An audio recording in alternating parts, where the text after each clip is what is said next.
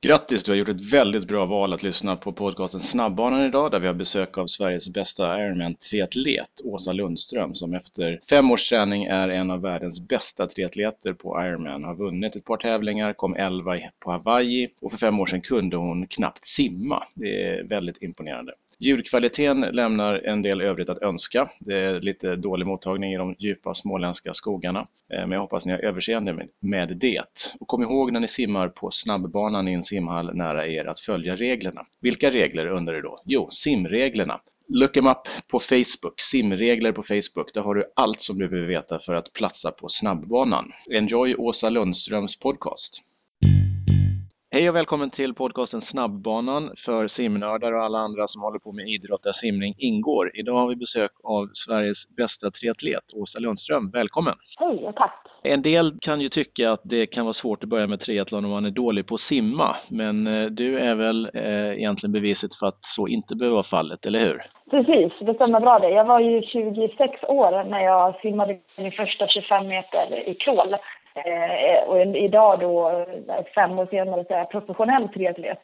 Eh, visserligen inte med simning som, som min specialistdisciplin, men jag, jag kan fortfarande vara på världsnivå. Så jag är ett levande bevis på att det går. Och hur lyck har du lyckats från att eh, inte kunna simma speciellt bra eller nästan alls till att faktiskt vara med och slåss i världstoppen? Simmässigt, vad gör man? Ehm, ja, ja, egentligen i grund och botten så ligger det på, så har det att göra med att du måste investera eh, tid och, och, du måste vilja framför allt. Alltså, det, det, det, är kämpigt och det är slitsamt i början och det är fortfarande slitsamt. Jag tycker fortfarande att det är piss ibland. Men alltså, man måste ha ett mål. Men Eh, för det första och, och vilja det. Och för det, för det andra så, så tror jag att, eh, att ha hjälp, alltså när man kommer till en, en sport som eh, är väldigt eh, teknisk och där man får, kan få väldigt mycket hjälp eh, av att vara tekniskt duktig så, så tror jag att det är jätteviktigt att få professionell hjälp. Att gå med i en simklubb eller en klubb där det finns en tränare på kampen och det finns folk med som kan sparra dig. Det tror jag är A och O.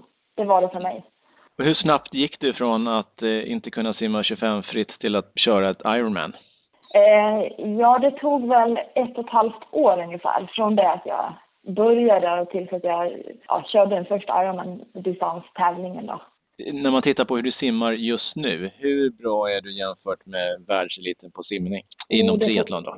Ja, det är fortfarande en bit kvar. De, de, de som är snabbast upp ur vattnet när vi tävlar på, på VM i Ironman på Hawaii, Ehm, de är ju före detta elitsimmare och jag har ungefär nio minuter upp till dem. Så det är den största differensen jag har av de tre disciplinerna upp till, dem, till den snabbaste tiden så att säga. Så det är fortfarande en ganska bra bit kvar upp till, till deras nivå i simning. Men ja, det bättrar sig. Det blir bättre och bättre för varje år. Din bakgrund innan du började satsa på triathlon eh, idrottsmässigt, vad är den? Eh, det var faktiskt lagsport. Jag spelade fotboll eh, från barnsben eh, och åkte längdskidor lite grann på vintrarna. Och ehm, sen när jag blev öppet i tonåren, då höll jag på med lite allt möjligt sådär. Jag undervisade en del på gym och spinning, olika gruppträningsklasser och sånt där. Och jag sprang väl lite på måfå, joggade lite sådär. Men ingen, jag har inte bakgrund i någon av de tre disciplinerna som jag håller på med nu träningsmässigt, det som du gör nu om man tittar i november månad, mm. hur mycket tränar du av de olika disciplinerna? Ja, just november, den här november blir lite speciell för jag har en tävling kvar. Eh, så nu, nu är det ju, kan man väl nästan säga att jag topptränar. Men eh, det är ganska generellt ändå på årsbasis att jag tränar eh, simning fem, sex eller sju pass i veckan. Eh, cykling eh, mellan, mellan tre och fem cykelpass och då är det ju som vinterhalvåret så blir det lite färre pass. Men när man bastränar så kan man lägga fokus på annat. Eh, och så löpning mellan, mellan fyra och sju löppass i veckan. Och det är samma sak på vintern. Eller i lågsäsongsperioden springer man inte lika många gånger i veckan. Och från bästa till sämsta disciplin, cykling är din bästa, sen löpning och sen simning, stämmer det? Just precis så. ja. Och hur mycket fokus lägger du på att bli snabbare på simningen? Är det värt den tiden för att bli bättre där eller fokuserar du på att bli ännu bättre på där du är duktig nu? Ja, det är en intressant fråga för det är verkligen ett övervägande. För eh, som alla som har eh, lite erfarenhet inom simning vet att att det ska ganska mycket arbete till för att sänka sig två sekunder. Men nu simmar de ju ganska, alltså i täv på tävlingsnivå ganska korta distanser, men det skiljer liksom hundradelar mellan första och sista man.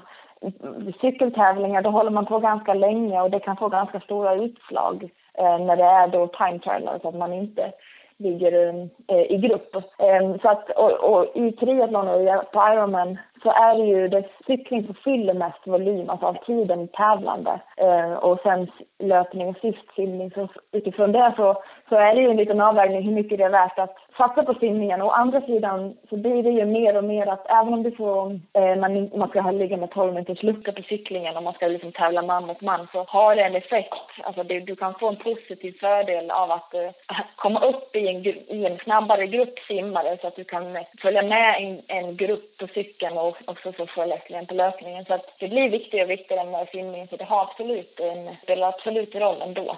Och den tiden av året när det faktiskt går att simma utomhus eh, i Norden, hur mycket mm. kör du utomhus och hur mycket kör du i bassäng?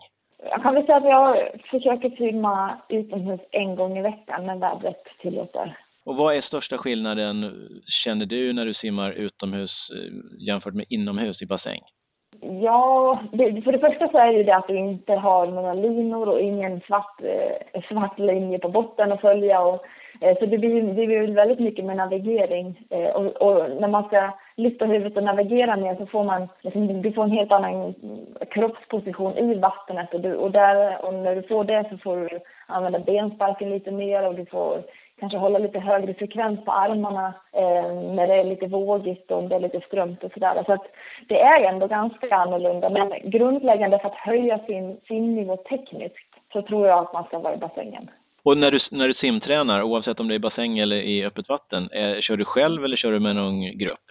så mycket som möjligt i grupp faktiskt. Det blir tyvärr, eh, det finns inte så jättemånga som är eh, på min eh, nivå och är privilegierade som jag att kunna träna mitt på dagen. Ehm, så det blir att jag simmar och tränar en del själv. Men nu har jag precis börjat träna med en klubb som, som eh, simmar både morgon och eftermiddag vilket gör att man får sällskap. Och även i öppet vatten så tror jag att det är bra, precis som i bassäng, att ha folk med sig som kan ge lite sparring och ja, men ha, pressa en lite. Man pressar sig lite mer när man vet att det är någon som ligger bredvid eller eh, före eller efter och gör, och gör det precis som du. Och det, är alltid en bra motivation och särskilt för triathlon i tävlande så eh, är det ju det är ju en tävlingsscenario att ha folk runt omkring sig och det blir lite stökigare och man ska hålla koll på vart de andra är och sådär. Så det är bra träning.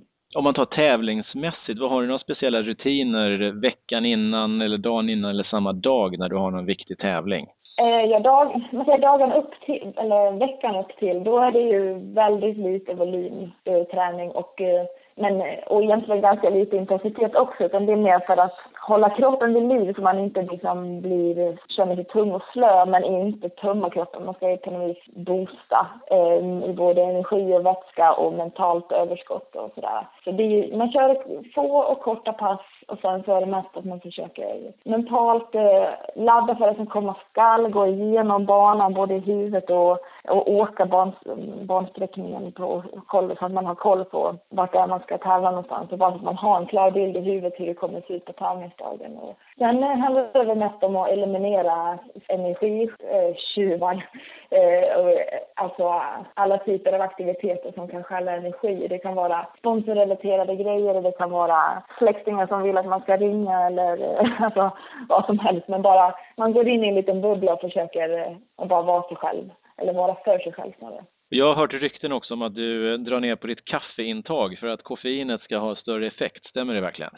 Um, ja och nej. Uh, man kan säga att jag, det är först det senaste året som jag har börjat dricka kaffe och jag gör det ur, eh, bara ur socialt hem, eh, social aspekt. Att jag, jag har inget vidare kaffebehov och så därför så känner jag lite grann att um, eftersom jag inte har behov av kaffe så saknar jag det inte när jag inte dricker det. Och då känns det som att då, då kan jag lika gärna skippa det veckorna upp till. För då, då veckorna upp till så skippar jag ändå all form av, eller försöker skippa all form av liksom skräpmat som man inte, som inte kroppen behöver och, och försöker minska ner på sockret och sådär. Och, och till det hör att jag, då, då finns det inte så mycket anledning att mig att dricka kaffe och sen så tar jag då koffein på tävlingsdagen. Men det är inte ett jättestort medvetet val för att försöka boosta på det viset men det det känns bara, jag har inte behov av att dricka kaffe så då kan jag lika gärna skippa det veckorna innan. Och hur mycket tänker du på nutrition och kost under hela säsongen och kanske mer under tävlingsdelarna? Hur viktigt är det? Jag tror att det är väldigt viktigt faktiskt. Speciellt på tävlingsdagen. För, för oss som tävlar så, så många timmar så är det ju extra viktigt för där kan det vara helt avgörande att om du inte får i dig vätska och näring tillräckligt eller om du får i dig för mycket så kan du få sådana magproblem eller du kan få ja, bonka helt enkelt så du inte tar dig i mål. Eh, så det tror jag är jätteviktigt. På, över hela året så tror jag också att det är viktigt att få att orka träna så pass mycket, både volym och intensitet, för att säkra kvalitet på de hårda passen och för att säkra en kvalitativ återhämtning så tror jag att det är viktigt att hela året, eller ja, alltså mer eller mindre då, hela året tänka på att man får i sig tillräckligt och bra energi och liksom inte säga att ja, men, energi som energi och sen kan man klämma på sig kyrra utan det är faktiskt eh, skillnad på, på olika, olika typer av näringsämnen. Så, så jag tror att det kan ha stor effekt faktiskt. En del föreningar i Sverige behöver mer pengar. Ja, nästan alla föreningar behöver mer pengar. Det enklaste sättet att få mer pengar är att bli sponsrade av Lagkassen. Hör av er! info.lagkassen.se Det är dit ni ska mejla. Då hör de av sig till er och ser till att er förening får spons och kan tjäna hur mycket pengar som helst. Det är ett jättebra tips. Om man tittar vidare på triathlon som sport så kan man ju säga att det är en riktig materialsport. Hur, mm. stor, hur stor skillnad är det på utrustningen som man har? Hur stor skillnad kan det göra i sitt performance? Det gör ju skillnad, så det ska man inte sticka under stolen med. Alltså, köper man Eh, en, en cykel som kostar tio gånger mer så oftast, så det, det, är en skillnad. Alltså det är skillnad i materialet och det är skillnad hur mycket i aerodynamik till exempel på cykel då. Eh, men sen är det klart, det är också det är också, man får ta det kanske lite med en nypa salt för att bara för att det har kommit en ny modell 2016 och du har 2015 års modell så betyder inte det att du är väsentligt mycket långsammare på 2015 års modell. Eh, och det ligger ju såklart också, som i så många andra saker, att man betalar lite för ett märke också. Så att det är lite sanning med modifikation men det är ju såklart skillnad på, på riktigt bra grejer och inte så bra grejer, det är det faktiskt. Och om man ska kopiera det som du har, som du hade till exempel på Ironman Hawaii där du då lyckades komma på en fantastiskt bra elfte plats. Hur mycket pengar måste man punga ut med om man ska köpa allt det du har, använder? Oh, det vågar jag nästan inte tänka på. Ja, det är 150 000 kanske.